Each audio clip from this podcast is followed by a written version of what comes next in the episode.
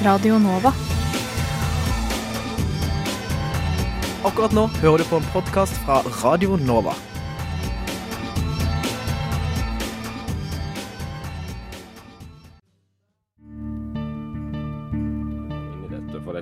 For det hadde vært siden eh, Noam Chomsky etablerte den greina av lingvistikken som, som jeg befinner meg i. Vi håper jo på bredest mulig oppslutning om SV, og jeg tror at det eneste som kan få norsk løsner båndene mellom staten og kirka, og forhåpentligvis fører til tettere bånd mellom kirka og folk. Så hadde de gjort som andre fjøringsbevegelser i verden, hadde de helt legitimt kanskje tatt i våpen. Og, og så direkte skildring av menneskeskjebner tror jeg ikke vi har sett i noen annen nyhetsdekning av noen annen terroraksjon. Det er såpass store forskjeller mellom den kalde krigen, hvor det var to stormakter som sto mot hverandre, eh, og den situasjonen vi har i dag.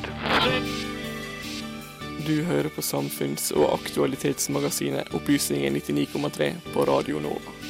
Opplysningen 99,3 på Radio Nova. Hvordan finner man sannheten i en væpna konflikt? Vi spør nylig hjemvendte NRK-korrespondent i Midtøsten, Sigurd Falkenberg Mikkelsen. Hva er forskjellen på tilreisende romfolk og norske rom, og hvordan kan det integreres i det norske samfunnet? Vi spør en masterstudent og en forsker. Hvor går skillet mellom komikk og politikk? Vi hører med Audun Beyer fra Universitetet i Oslo og komiker Dag Sørås. Effekten av behandling mot fedme hos barn viser seg å være minimal. Vi spør hvorfor. P-stasjon ha en innvirkning på den enkelte nordmanns selvfølelse og identitet? De sliter, og de har ikke råd til å betale eh, markedspriser for, for gassen. Akkurat nå hører du på Radio Novas samfunns- og aktualitetsmagasin, Opplysningen 99,3. God formiddag og velkommen til Opplysningen 99,3 her på Radio Nova. Jeg heter Vebjørn Løvaas og skal være med deg den neste- den neste timen, som er full av rykende ferske saker. Aller først skal vi snakke om hvordan man finner sannheten i en væpna konflikt. Og med oss i studio har vi Sigurd Falkenberg Mikkelsen. Velkommen. Tusen takk. Vi kjenner deg best som NRKs korrespondent i Midtøsten, og de siste fem åra har du vært basert i Egypt. Og du har jo dekka da det vi her hjemme kjenner som den arabiske våren, forsøk på demokratiseringer, maktomveltninger og så helt fram til dagens flyktningkrise. Nå er det igjen tilbake i Oslo. Du er aktuell med boka 'Arabisk høst', og boka inneholder da korrespondentbrev som du har skrevet for NRK om tilstanden i land som Libya, Tunisia og Syria, og Egypt annet. Um, men journalistikk fra krigsområder er jo vanskelig, det kan utøves på mange måter. Og så har du aktørene i konflikten. Du har land, opprørsgrupper, koalisjoner og militære organisasjoner. Men du har også den humanitære siden og menneskene på bakken som rammes av krig. Hvordan har du prøvd å balansere mellom de perspektivene? Det er jo kanskje en av den største journalistiske utfordringen eh, jeg har hatt i mitt eh, liv. Og Å nettopp klare da å prøve å trenge gjennom noe av på den ene siden aktørenes eh, propaganda, eh, og eh, behovet for å komme fram til noe som minner om en eh, sann framstilling eh, om eh, krigsforløp og konfliktom... eh, eh, forløpene, fordi det er, det, er, det er vanskelig, og det har blitt mer og mer krevende eh, i de årene jeg har vært der. Eh, disse fem årene så har det vært en markert endring, syns jeg, da, i, i, eh, eh, i hvordan hvor vanskelig det er å nettopp komme til å komme ut. Og Det er flere grunner til det. Eh, Det ene er at det er en helt annen bevissthet eh, på eh, journalistikkens betydning fra på aktørsiden. altså det er ikke lenger sånn at uh, det er en enveiskommunikasjon her. De følger med på hva vi gjør, uh, og har også et, et, grep om dette gjennom sine egne kanaler på sosiale medier. sånn at Det er et helt nytt mediebilde, det er det ene. og det andre er selvfølgelig at sikkerhetssituasjonen har blitt mye, mye, mye verre. sånn at vi sliter veldig med å komme til, det gjelder særlig Syria, men også Libya, Jemen, hvor journalister ikke lenger har noen noen form for beskyttelse. Og aller mest påtagelig er det selvfølgelig i IS-kontrollerte områder, hvor de jo med ett unntak ikke har sluppet inn en eneste vestlig journalist.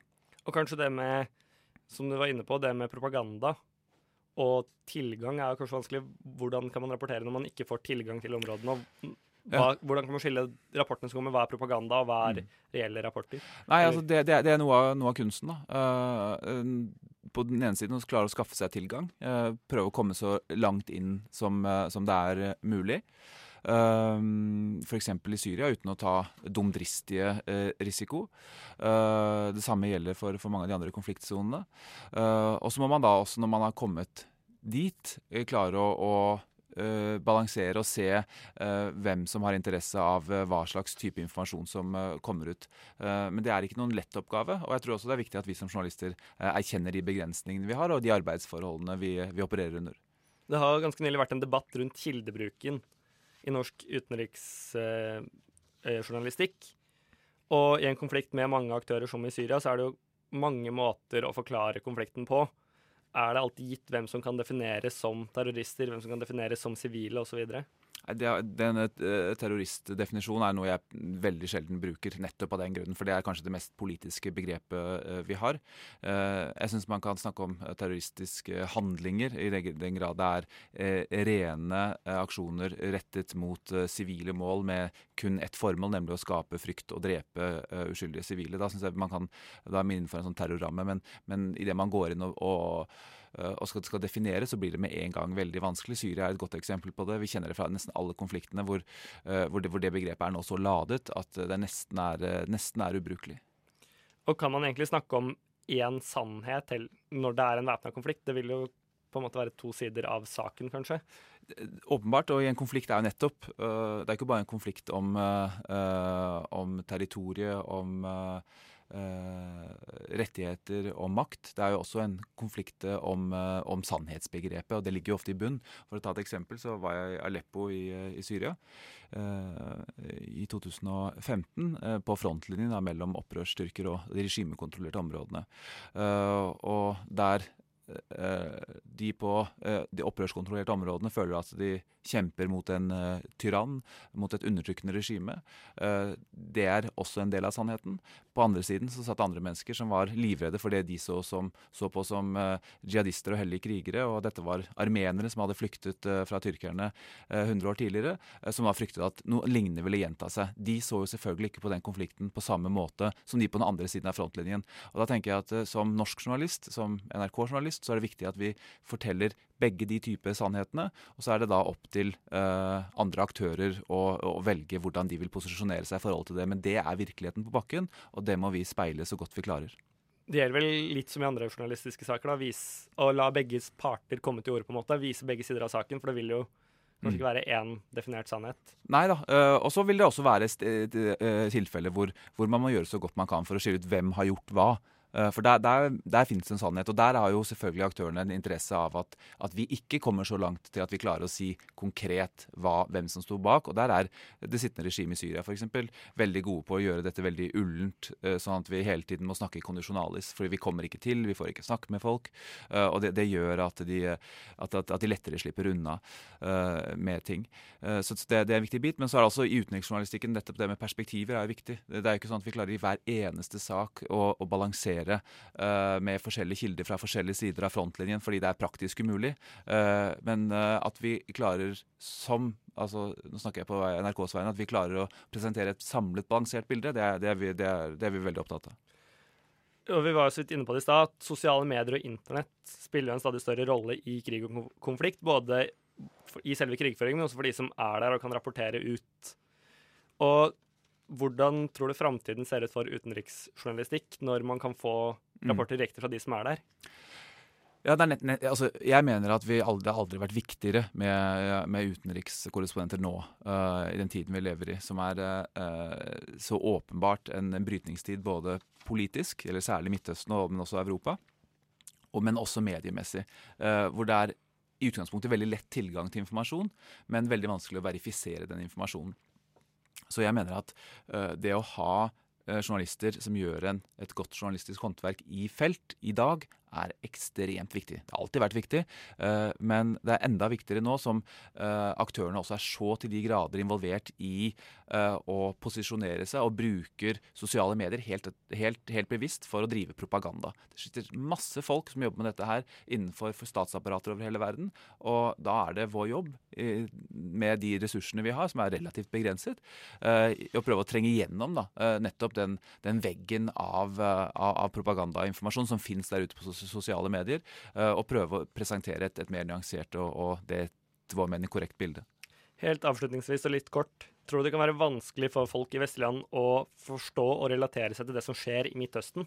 Selvfølgelig. Altså, det er vanskelig å forstå for uh, alle.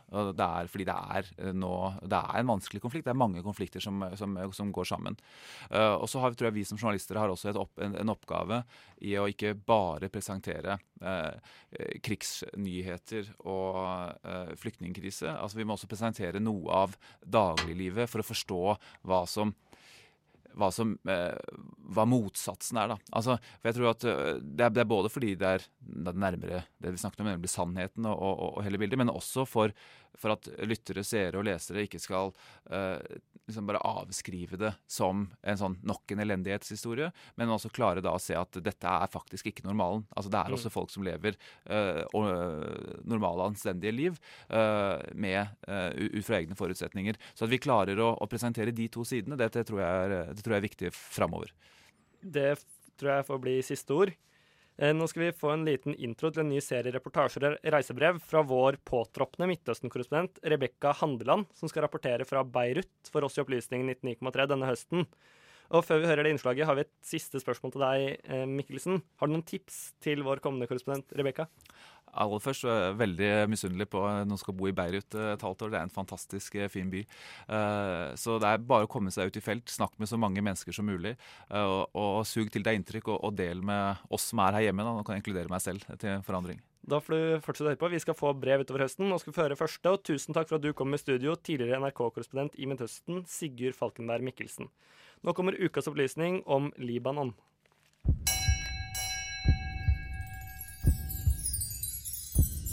Ukas opplysning.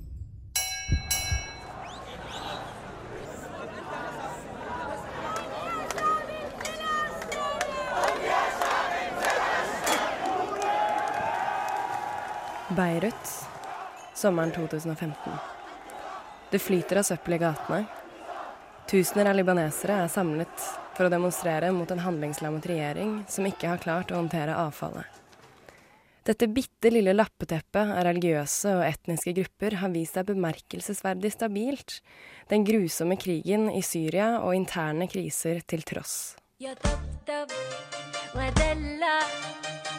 Jeg var i Libanon i sommer, og der var det full fest og god stemning, og folk lot til å tenke på alt annet enn krig og konflikt. Jeg befant meg i en konstant lykkerus. Og jeg er ikke den første til å falle pladask for den åpne, gjestmilde og groovy atmosfæren, og ikke minst de imøtekommende menneskene. Og ei heller blir jeg den siste. Derfor er det litt av et paradoks hvor kritisk situasjonen er hvis man bare løfter blikket litt. Minst tre av ti innbyggere i Libanon er flyktninger, hvilket gir Libanon den høyeste flyktningetettheten i verden.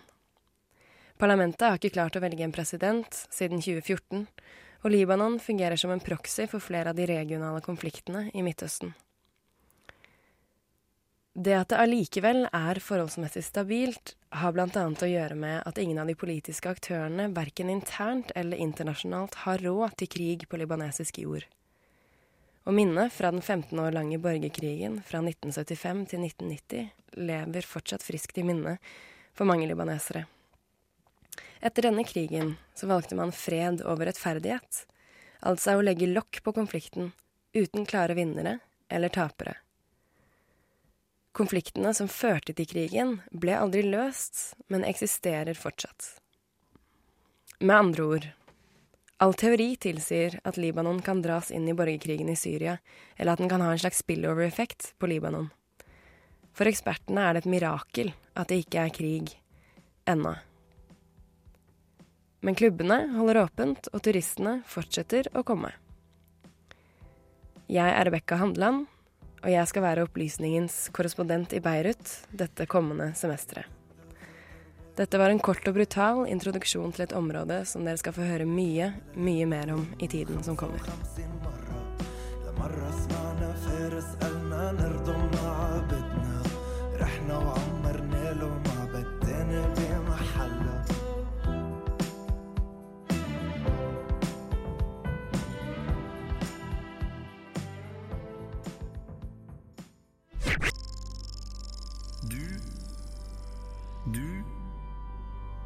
Du hø hører på, på Radio Nova. Det var ukas opplysning laget av vår kommende Midtøsten-korrespondent Rebekka Handeland. Nå skal vi i studio bytte tema, og vi skal snakke om romfolk. Du ser dem mest sannsynligvis hver dag der de sitter på gatehjørnene i Oslo sentrum, enten med koppen foran seg eller går rundt og samler flasker. Og sannsynligvis går du rett forbi og videre til det du faktisk skulle. Men hvordan kan en minoritet som romfolk integreres i samfunnet? Vi vet at de er der, men hvorfor velger vi å bare overse dem? I studio har vi Brage Hammeren Pedersen, som nylig har skrevet og fått publisert sin masteroppgave om rom i det norske fellesskapet ved tittelen Bare på besøk. Og Ada Engebretsen, forsker ved velferdsinstituttet NOVA ved Høgskolen i Oslo og Akershus. Velkommen til dere begge to. Takk, takk. takk. Ada, eh, hva er forskjellen på tilreisende rom og til forskjell fra norske rom? Ja, Hvis jeg skal si noe helt generelt, så må jeg si litt noe om betegnelsen rom. fordi at de, norsk, de, som kalles norske rom, de kaller seg selv rom. De som er tilreisende fra stort sett Romania, det er mange, mye, en mye mer variert gruppe. Noen av dem er rom, noen av dem tilhører andre lignende minoriteter, og noen av dem er etniske rumenere. Så det er egentlig den største forskjellen. Pluss at norske rom har bodd i Norge ca. fra midten av 1800-tallet. Hvordan fungerer de gruppene ulikt? De fungerer ulikt. For det første fordi rumenske rom er, i, I Romania er det ca. to millioner sannsynligvis sigøynere. Altså mm. forskjellige etniske kategorier, bl.a. rom. Sånn at det er et veldig veldig stor variasjon i levemåte. Alt fra veldig velstående, ganske få, og til den store majoriteten av veldig fattige eh, rom. Som alle sammen er uh, nå Eller stort sett alle sammen er uh, bofaste. De er ikke nomadiske. Men de reiser for å forbedre livssituasjonen sin. Uh, og Det var mye begreper her, Brage. Bare for å oppklare litt. Mm. Hva er forskjellen på sigøynere, rom og det litt kanskje eldre begrepet tatere? Ja, Det er eh, tre begreper som uh, henger litt sammen og samtidig på en måte betegner litt forskjellige ting. Rom er jo, som Ada sier, en, uh, navnet på en bestemt undergruppe av det som man kaller sigøynere, eller romanifolk, kanskje. Ja, romanifolk. Mm, som er en sånn paraplybetegnelse uh, for ganske mange grupper i Europa og også Midtøsten som har lignende språk og kultur. Og ja, sigøyner er jo et ord som oppsto etter etter at eh, disse gruppene kom til Europa. Det er, et, det et eksonym, et navn som er brukt på dem og satt på dem utenfra. Uh, og som ja, opphavet til det ordet, det kommer vel fra gresk, tror jeg. Mm. Attinganoi, mm. som betyr noe sånt som de urørlige, eller noe i den retningen der. Eh, mens eh, tater Altså, de første romanifolkene som kom til Skandinavia, de kom hit på 1500-tallet. Og da eh, er det litt sånn forskjellige Jeg hadde fått litt forskjellige oppfatninger om hvem de var. Og en del trodde at de var at de tilhørte folkegruppen tatarene fra det som i dag er Russland, inn i på en måte nærmere Sentral-Asia. Og ordet tater, så vidt jeg har forstått, det er da en forvanskning av dette tatar. Så det den betegnelsen tater beror rett og slett på en misforståelse om ja. hvilken etnisk gruppe de tilhørte. Men hvor kommer de egentlig fra, hvis man kan si det? Det kan man jo eh, diskutere. Altså språket, kjernen i språkene eh, til romanifolkene, det er jo indisk. Eh, ordforråd og grammatikk. Eh, nei, ikke grammatikk. Nei. Grammatikken er norsk. Ok, ja, ja, nei, det, er, det, er, litt interessant at grammatikken er norsk og ordforrådet er uh, sanskrit. Ja, nei, ja, ikke sant, men det gjelder jo da kun det norske romanifolket, eller taterne som vi snakker om. da. Men ja, hvis, hvis, du ser romanifolkene eller sigøynergruppen under ett, da. Ja, det er nok også Sinti har nok også tysk grammatikk og romanord, da. Mm. Så, ja. Men, det, er, det, er, en gruppe som har flytta mye på seg lenge. Mm. Uh, men gjøres noen tiltak for å integrere romfolket? Altså, kanskje da mest de tilreisende romfolket i Norge? Dere kan svare begge to, hvis dere føler for det. Eh, akkurat for å integrere Altså, disse folka har jo et hjem hjemme i Romania. De har jo familie, de har jo barn, de har jo best, foreldre, besteforeldre, tanter og onkler og store slekter. Så det er ikke noe poeng å integrere dem i Norge. Men det som kunne være et poeng, er jo at de kunne få arbeid, for det er det jo veldig mange som vil ha. Ikke sant? Så, og, og, det gjøres noe forsøk, men det er jo forferdelig vanskelig når de ikke snakker språket og ikke har noe ut arbeidserfaring veldig Mange har arbeidserfaring, men mange har det ikke. Og hvor de heller ikke har noe eh, fagutdannelse, ikke sant. Sånn at det, det, er, det er vanskelig. Og da er det jo, hvis jeg kan skyte inn det, eh, viktig poeng å understreke at de er jo ikke innvandrere til. Norge, de fleste av dem. De er jo nettopp tilreisende. Mm. De reiser til og fra sesongbasert ofte, og jobber eller, eller tigger, som mange gjør da. Eh, er de interessert i å bli integrert? Nei, det tror jeg ikke. Ikke de tilreisende er ikke interessert i å bli integrert. Altså, nå sier jeg veldig generelt, det kan godt hende at det er noen som er interessert i det. Men eh, de har hjemmet sitt i Romania, de snakker rumensk, de er forankret i Romania. Veldig sånn både følelsesmessig og rent sånn praktisk. Jeg vet ikke om du Nei, Det er akkurat det samme inntrykket som jeg har fått. De er, eh, flere av dem er interessert i å, å få arbeid Mm. eh, og jobbe hvitt og, og på en måte tjene penger. Og måte ha en, hva skal man si, en lovlig og grei tilværelse i Norge. Men på sesongbasis. Ja. Og hva med norske rom, de som bor i Norge? De er vel mer integrert enn de som er tilreisende? For å skille på de to gruppene. Det kommer litt an på hva du mener med integrert. På en måte, Jeg pleier å si at norske rom er ganske godt integrert i det norske samfunnet, men det betyr ikke at de er inne i det norske arbeidslivet, f.eks. Og øh, det, de, har jo, de har jo en del problemer med å sende ungene sine på skolen av mange, mange forskjellige grunner. Men de, på mange måter så er, har de levd her i over 100 år og på en måte har funnet en plass her i Norge. Sånn at eh, det, det, integrasjonsbegrepet kan litt diskuteres. Men fra myndighetenes side så vil de nok ikke si at de er integrert. Og over til noe litt annet, men likevel i det samme. Hvordan er den generelle oppfatningen av romfolk blant nordmenn? Kan jeg eh, ta ordet der? gjerne. Eh, Jeg har jo eh, gjort et mastergradsprosjekt eh, i sosialantropologi om nettopp dette med hvordan eller mange ting da, rundt roms plass i det norske samfunnet, men bl.a. mye om hvordan da storsamfunnet ser på rom som etnisk gruppe, eller sigøynere som etnisk gruppe. Og da jeg starta med det prosjektet, så forventa jeg å se ganske mye grov rasisme, egentlig. Ut ifra de tingene jeg har sett folk har skrevet i kommentarfelt og i avisinnlegg og den typen ting. Og ut ifra ting som folk sier uh, muntlig i uformelle sammenhenger. Det jeg faktisk fant uh, etter et uh, fem og en halv måneds feltarbeid om dem og blant dem, det var at etniske nordmenn og altså andre ikke-rom i Norge de er stort sett ikke veldig rasistiske mot rom, men de, de vet veldig lite om dem. De, de har, det fins veldig gamle, mange gamle stereotypier som på en måte skal man si, foreviges og videreføres uten på en måte at det, at det fins noen erfaring direkte erfaring med rom som på en måte kan, kan utfordre dem. Eh, Og, og si, både tilreisende og norske rom eller sigøynere eh, er veldig usynlige i Norge. Mm. Eh, Det er på en måte min hovedkonklusjon. tror jeg er helt riktig. Og når jeg har intervjuet gatetiggere, så er jo gjennomgangstonen, og det, du kan diskutere det på mange måter, men er jo at her blir de veldig godt behandlet. Sånn at, og, og, men det betyr at det er alt fra folk som spytter på dem og tar, velter koppen deres, til folk som kjøper leiligheter til dem og tar dem inn i hjemmene sine selv. Og de ytterpunktene er sjeldne, men til sammen så danner de et bilde for veldig mange om at det er bra å være i Norge. Så det er kanskje bedre å være i Norge enn i andre europeiske land? Ja, det er litt sånn vanskelig å vite. Egentlig Sverige er jo også veldig godt likt, da. eh, Mm. Blant rommen. og Spania er jo veldig godt likt. blant mange jeg har snakket med. Sånn at, eh, men det er nok De ser jo en del De har jo ganske mye Mange av dem har vært i veldig mange land, jobbet i mange forskjellige land. Så de kan gjøre Se forskjell på, på disse tingene.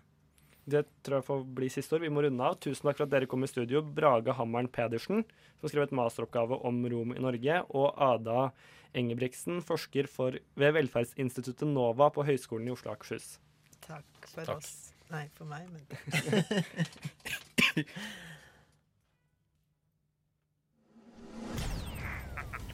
Du hø hø hører på. På Radio Nova. Radio Nova. N-O-V-A Nova. Listen to me. Yo, are you listening? Yo. Radio Nova. Da er vi tilbake her fra studio. Du har fått høre to låter. Den første var Ut i Oslo av Calvert, og den siste var Feelin' Sexy av Lings Laced. Nå skal vi snakke om eh, noe helt annet. Vi skal snakke om komikere i politikken. Politikk, ligner jo mer og mer på underholdningsbransjen, og enkelte politikere virker som om de driver mer med underholdning enn med politikk. Samtidig er det viktig for politikere å nå ut til folk med sitt budskap, og da kan humor være et virkemiddel. Og komikere har alltid kommentert politikk og samfunnet, og enkelte land stiller til og med komikere til valg, valg, og de blir valgt. Men hvor mye innflytelse har komikere og andre kjendiser på folks meninger? Vi skal altså snakke om komikk i politikken og komikere som blir politikere. Derfor har vi invitert i studio Audun Beyer, førsteamanuensis ved Institutt for medier og kommunikasjon, og forsker på politisk kommunikasjon og opinionsdanning ved Universitetet i Oslo. Og Dag Sørås kåra til årets komiker under Komiprisen i 2016, og generelt det man kan kalle en samfunnskritisk komiker. Velkommen til dere begge to. Takk. Takk skal du ha. Først, la oss prøve å kategorisere litt. Du har jo da komikere som kommenterer politikk, komikere som går inn i politikken, som f.eks. stiller til valg, og så har du da ikke minst politikere som er komiske. Og det blir jo litt umulig å ikke nevne Donald Trump. Er han klovn med vilje, Audun? Tror du det? Eh, jeg tror nok det er mye bevisst underholdningsstrategi i Trumps eh, væremåte. Uh, og jeg tror nok ikke han gjør det alene heller. Det er en stor, eh, stor sjanger på høyresiden i amerikansk talkshow-virkelighet uh, som opererer og legger premissene for ganske underholdningspreget, må man kunne si. Eh, ekstremt underholdningspreget norske, under norske forhold. Eh, politisk eh, dekning, eller underholdning, om man vil. Så det tror jeg absolutt at han gjør. Og Dag Sørås, kjenner du ditt fag i måten Trump opptrer på for offentligheten? Stjeler han noen av komikernes grep? Ja, i forstand av at han overdriver og sikkert sier ting han egentlig ikke mener innerst inne for å få en respons ut av folk. Så gjør han det. Men med det sagt så vil jeg jo si det like mye underholdning i, i Hillary Clinton i forstand av at hvis, bedriver, hvis, hvis, Trump bedriver komikk, så bedriver hun teater. Jeg mener Det er jo i stor grad det det virker som amerikansk politikk over, over sikkert flere tiår har utvikla seg til å bli. Jeg mener det, er, det virker som det er like mye underholdning som, eh, som, som innholdsprega, egentlig. Uh, men, uh, men, det er klart, Trump har jo Jeg, jeg vil også tro at hans suksess er Det er en sånn backlash mot det folk kaller politisk korrekthet eh, i USA, som, som, jeg tror har mye, har mye å si også. Og så er det også den følelsen av at han er en outsider som sier det som det er, hva enn det egentlig betyr for noe. Ja, ja det er litt inne på neste spørsmål her, at mange vil jo hevde at Trump er populær fordi han sier det alle tenker. Er det ikke det også komikere gjør, til en viss grad? Ja, men det, jeg tenker bestandig at det er litt arrogant å, å, å innbille seg at man vet hva folk tenker. Uh, og nå vet ikke jeg om folk tenker at Donald Trump er anatomisk velutrusta, som han påpeker. Jeg, jeg, jeg, vet Det er vanskelig å si. Jeg tror det er like mye den følelsen av at hei, nå har vi prøvd det, streite politikere uten at ting har blitt bedre, så hvorfor ikke bare kjøre ting til grunn og, og satse på at det er underholdende i prosessen? Jeg tror det er like mye det. Det er en, en eller annen form for nihilisme over uh, det å stemme på en fyr som Donald Trump, som jeg for så vidt kan ha en viss sympati for. Det er sikkert mange komikere som håper at han vinner av åpenbare grunner. Uh, ja, det er jo et sirkus. Uh, og Audun Beyer, du mener at populærkultur blir mer og mer innvevd i politikken. Hva mener du med det? Altså, man har jo sett det de siste la oss kalle det 40-50 årene da, i vestlige demokratier. Så ser man en, en stor trend med at uh, eh, folk eh, det, det, tradisjonelle engasjementet, som stemmegivning, som det å være medlem i en organisasjon og gå på møter og sånn, det har falt ned, gått ned. Og så eh, tenker nok, eller så føler nok politikere og medier eh, at de må eh, prøve å engasjere og få kontakt med folk på andre måter enn før. Og da har man sett det av det noen kaller en forfallshistorie, det er absolutt ikke alle enige om, men, men hvor man tar i bruk mye mer underholdende grep eh, for å fange oppmerksomhet. Og en av de tydeligste trendene på det er at gjennomsnittlig taletid i amerikanske og norske og mange andre vestlige lands medier har falt fra kanskje ca. 40-50-60 sekunder fra man begynte å snakke til man ble avbrutt, til under 10 sekunder de siste 40 årene. Og det er jo et eksempel på at du får ikke lenger sagt noe av særlig betydning om gangen, i hvert fall. Eh, så det er jo ett sånt tegn. Og så er det jo selvfølgelig andre ting som det at vi nå, også i Norge, dette har vi sett i mange år, at vi ser bare noen få politikere. Vi ser ikke de, alle de politikerne som sitter på Stortinget som kanskje er ganske gode på det de holder på med, men vi ser de som er veldig gode til å komme med one-linere eh, på TV. Og vi ser veldig tydelig, og jeg merker jeg blir selv irritert over det, selv om jeg i prinsippet er veldig for det, når det kommer en veldig uerfaren person på TV, så er det veldig slitsomt, fordi at de de er ikke med i formatet på samme måte som, som Erna Solberg og Jonas Gahr Støre etc. Så du trenger de punchlinerne og kjappe replikkene? Jeg vil ikke si at man trenger det, men det har nå engang blitt sånn at det er den forventningen vi har til det å se på TV. Eh, og kanskje det er noe med TV-mediet i seg selv. Det er sikkert mange gode grunner til å tro at det er det. Eh, for jeg tror folk er mer åpne for å lese. Altså, jeg ville aldri lest det som blir sagt på TV. Jeg vil heller lese eh, et lengre argument, men jeg vil ikke lese en replikk på åtte sekunder. Det, det har Donald Trump vært veldig god på. Ha kjappe, kjappe replikker, ha sitatvennlige eh, ja, sitater. Eh, og for å snakke om det helt motsatte av Trump, i hvert fall sånn overflate, så har man jo Beppe Grillo. Han er jo da en italiener som starta karrieren som skuespiller og komiker, og nå har han valgt inn i politikken. Vi kan jo høre et kort klipp av han eh, her nå. So, what does Grillo want? What does he expect from the ruling politicians, the people he says are responsible for the situation in Italy? If you will let me say it on Euronews, because they won't let me speak on Italian channels, my message to professional politicians is citizens, thanks to the net, remember, TV has no memory, but people have. We do remember who you are. You can't go on pretending that everything is all right. Don't think about taking a holiday on a Caribbean island. Before you go, return the money which you've stolen with interest, and you'll be judged by a jury of citizens with no criminal records, and they'll tell you what kind of sentence you'll receive. di cittadini estratti a sorte, incensurati, che vi diranno che lavori socialmente utili andrete a fare. Og det var Beppe Grillo. Han viser jo stor frustrasjon og sinne mot italienske politikere. Hvordan tror dere vi skal forstå sånne som han? Jeg vil tro at han har mye av det samme appellen som en Donald Trump-figur har, bare fordi han er en outsider. Jeg, jeg må jo si, jeg syns jo på mange måter så er det jo fallitterklæring for demokrati som styreform at denne personfokuseringa Egentlig burde det være helt irrelevant, hele denne ideen om at de politikerne du skal stemme på, skal være en person som du også kunne tenkt deg å ta en kopp kaffe eller en pils med, er jo egentlig helt sykt. Det burde være totalt irrelevant hvordan deres personlighet er. Det, det eneste som burde bety noe, er jo politikken deres. Men eh, av en eller annen grunn så er vi ja, av, av kulturelle grunner så er det tydeligvis blitt sånn at, eh, at personligheter har mer å si. Men så vidt jeg husker, Pepe Grillo var vel eh, på den andre sida av den politiske flanken fra Donald, fra Donald Trump, men jeg vil tro han han eh, sikkert vekker akkurat Eller mange av de samme følelsene i folk. Eh. Men det er klart, jeg, bare fordi du er komiker Ja, han er god å snakke, men igjen, jeg, jeg ville heller hatt en ukarismatisk fyr som faktisk hadde innhold utover det. Dere burde være sint, og jeg er løsninga, hva enn det egentlig betyr.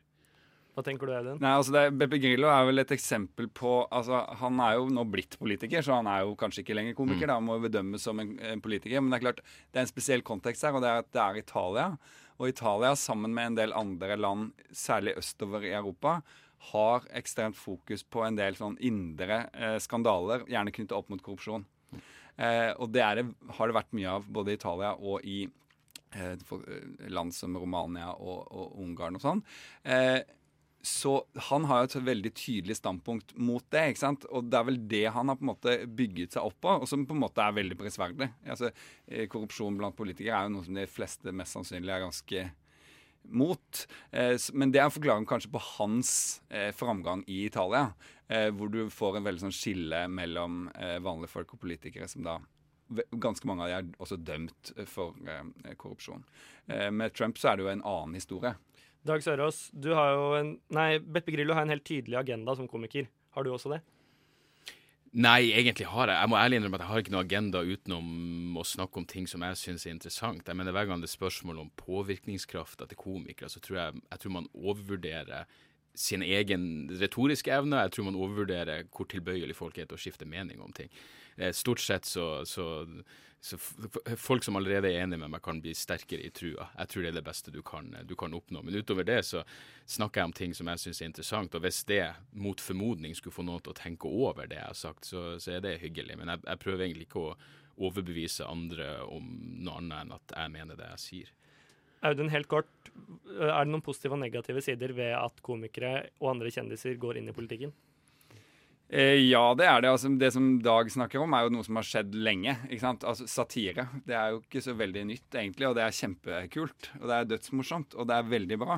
Eh, jeg pekte, har vel pekt litt på i noe jeg har skrevet eh, Ikke det som går på det, men når, når kjendiser, og ikke nødvendigvis komikere heller, går inn og på en måte koloniserer et saksfelt, sånn som vi ser med liksom type Angelina Jolie og den type mennesker, så er det i seg sjøl selv selvfølgelig et veldig prisverdig og hyggelig engasjement. Men hvis ikke samfunnet og mediene tar ansvar for hva, måte, hvor, hvor mye dette skal vektes og veies, så kan det bli for mye av det, mens andre saker som kanskje er enda viktigere, hva vet jeg, eh, blir skjøvet i bakgrunnen. Det kan være en negativ effekt. Og så er det positive sider selvfølgelig som går på at det er bra at folk engasjerer seg i problemer i verden.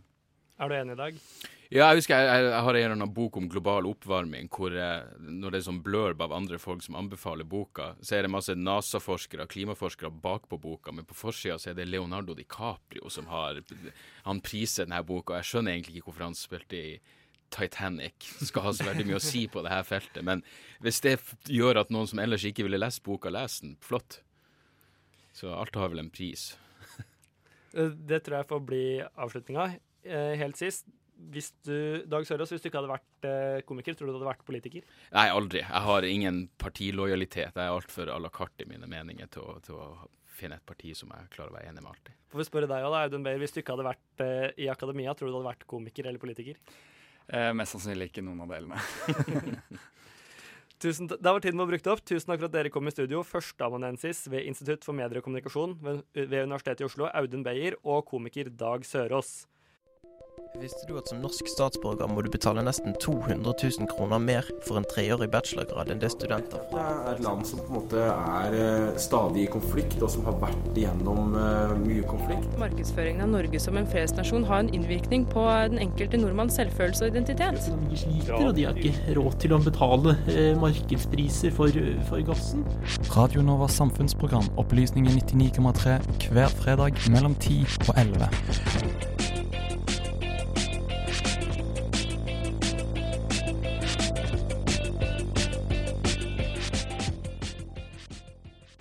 Ifølge helsenorge.no så er overvekt et problem som rammer flere og flere barn. Og i en ny rapport kommer det fram at behandlingstilbudene som blir gitt, har minimal effekt. På onsdag så gikk ansvarlig redaktør i forskning.no, Nina Kristiansen, ut i en kronikk og kritiserte rapporten om effekten av behandlingstilbudet til barn som sliter med fedme. Og mangelen på effekt ble i rapporten i stor grad lagt på barna selv, mener Kristiansen. Hun kritiserer det, rapportskriverne for ikke å høre på barna, og sammen med tidligere leder for, i Landsforeningen for overvektige, Jørgen Foss, skal vi snakke om resultatene fra rapporten. Velkommen i studio, Jørgen. Tusen takk. Og Nina har vi med på telefon. Hallo. Hallo. Hei, Nina. Kan du raskt oppsummere hovedfunnene i rapporten? Ja, altså Dette her er jo ikke bare en hvilken som helst rapport. Dette her er forskere som har gått gjennom mange, mange, mange studier i Norge og internasjonalt. De har eh, sett på De har kasta alle de dårlige studiene, så det er bare de gode og lange studiene som er igjen. Det er 74 studier som handler om eh, livsstilsendring for eh, barn og unge med fedme. Dvs. Si altså rett og slett kun, eh, ja, sunnere mat og mer trening, da. Eh, og så har de da resultatet av eh, tolv uker, 24 måneder i det lengste, behandlingsprogram har Gjennomsnittsresultatet er at disse barna og unge har gått ned ett BMI-poeng. Det er etter min mening nesten ingenting. Eh, de pynter litt på det i rapporten, eh, men, men eh, resultatene taler for seg sjøl. Ett BMI-poeng, det betyr to-tre kilo. Jørgen, er du enig i Kristiansens kritikk? Altså, dette viser jo på en måte bare hvor, uh, altså, hvor alvorlig denne situasjonen er med fedme i verden, og at det må tas på alvor. Uh, og ikke minst at man har en god behandling. Uh, jeg tenker at En av de største utfordringene er jo at behandlingen dessverre ikke er god nok. Uh, og Jeg leste jo også uh, saken på, på forskning.no, og, og, det undrer meg jo å, å høre uh, Samira Lekdal nesten på en måte, hva skal jeg si, skylde på, på barna. Jeg tenker at det her er ikke Altså, man kan aldri aldri på en måte legge et ansvar som er så alvorlig over på barna. Eh, jeg tenker at her, Det er utrolig viktig at man gir gode tiltak, og jeg tenker at det, det her er kanskje eh, på en måte beviset på at de tilbudene som i dag gis, ikke er gode nok. Mm, Og så tror jeg også at det handler litt om fordommer mot tjukke folk. Mm. At eh, de, eh, jaså, ja, de går ikke ned i vekt. Ja, da er det dem sitt problem, og ikke behandlingsopplegget. Ikke? Vi vet jo at tjukke folk de smugspiser, og så forteller de ikke uh, hva de har gjort. Men dette her er jo da altså barn og ungdom som sammen med foreldrene sine har gått i superlange eh, behandlingsopplegg. Fra altså 12 uker, 24 uker, 24 måneder. Altså to år var de lengste behandlingsoppleggene. Det betyr at disse folka her da har tilsynelatende da, fulgt eh, opplegget, men så har de egentlig gjort noe annet. Og det, det, det høres lite sannsynlig ut. da. Det høres heller ut som behandlingsopplegget er feil. Det, og jeg tenker også at Dette viser på en måte kompleksiteten da, ved det å behandle sykelig overvekt. Eh, Jeg tenker at eh, Barn og unge som er sykelig overvektige, eller har altså, stor mulighet for å eventuelt utvikle det, de trenger en god behandling. Og jeg tenker i dag så er én million nordmenn overvektige. 100 000 er sykelig overvektige. Dessverre viser tall at det kommer til å bli flere og flere. Jeg tenker at det er utrolig viktig at behandlingstilbudet er godt, og ikke minst når det gjelder barn og unge. Altså Jeg har selv vært barn eh, og holdt på å si vokst opp med det å være sykelig overvektig. Det er, jo, det er jo ingen barn som vil det. Altså Det å være sykelig overvektig er ofte forbundet med mobbing. Det er ofte forbundet med stigmatisering. Eh, Det trengs gode tiltak, og jeg tenker at eh, mer enn noen gang så må vi vi må gi gode tiltak som er med på å forebygge eh, overvekt og fedme, og som må gi god, god behandling. Og jeg tenker at dette på en måte viser at behandlingstilbudet faktisk ikke er godt nok, og at vi trenger nye og bedre tiltak som er med på å redusere sykelig overvekt blant barn og unge. Og vi kan vel slå fast at det ikke er barna sin skyld at de sliter med fedme. Men kan man ikke kanskje til en viss grad legge skyld og ansvar på foreldre og omsorgspersoner som, og det kosthold man har med seg hjemme og arv hjemmefra? Ikke nødvendigvis barna, men da foreldrene. Altså Vi kan godt løpe rundt og si at det er din eller din eller din skyld for at du er overvektig eller at barna er overvektig, men jeg tenker at det har egentlig ganske liten effekt. Jeg tror det viktigste vi kan gjøre, det er å bidra til forebygging, og ikke minst at det er et godt behandlingstilbud.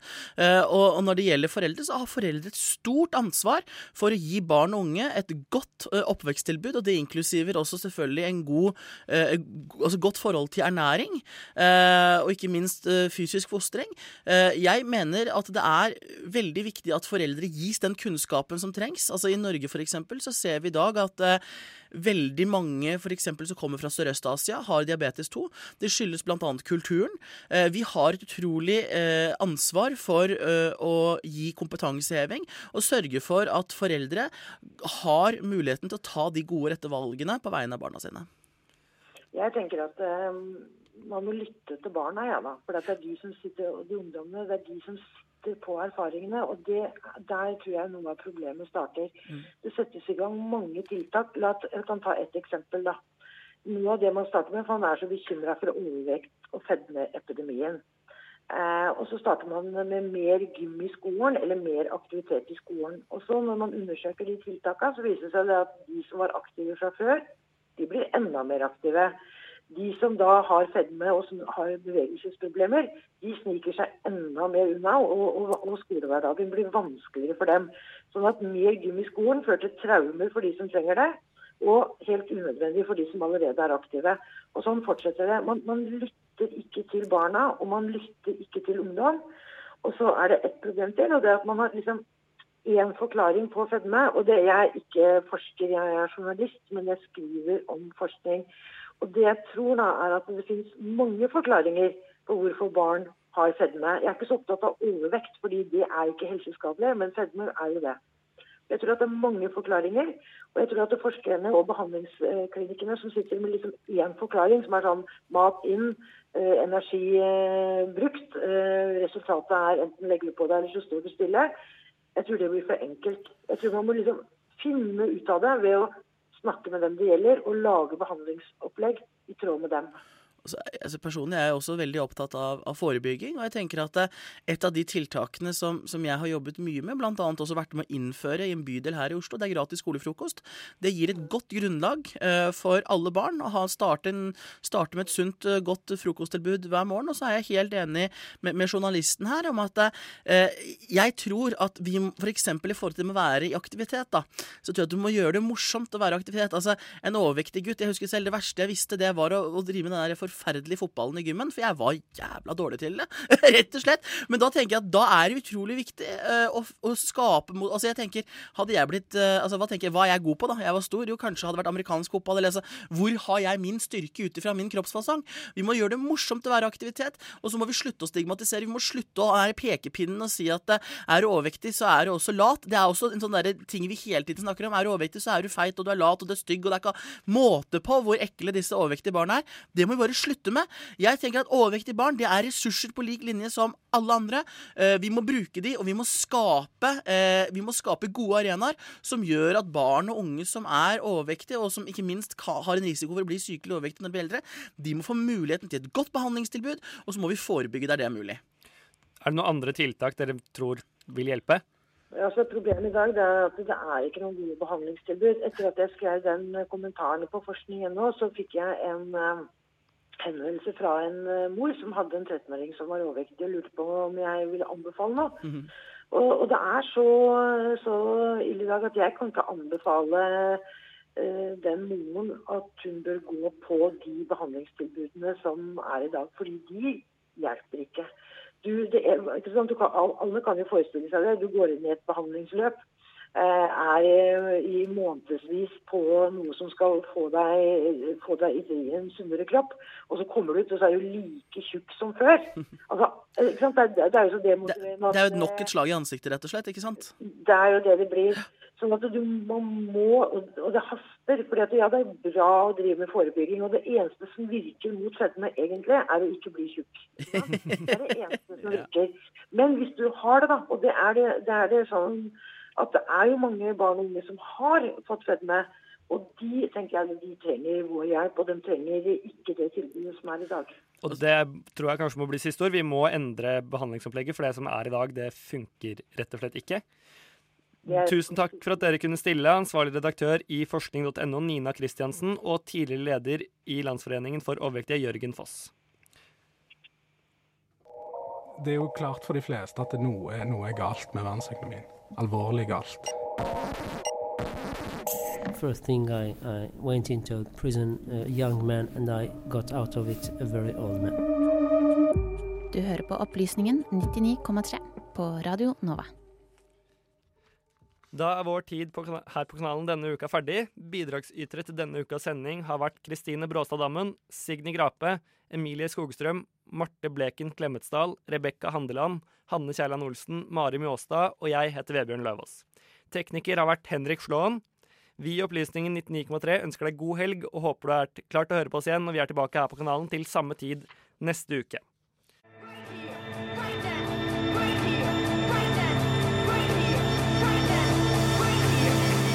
Radio Nova. Du har hørt en podkast fra Radio Nova. Likte du det du hørte? Du finner flere podkaster i iTunes og på radionova.no.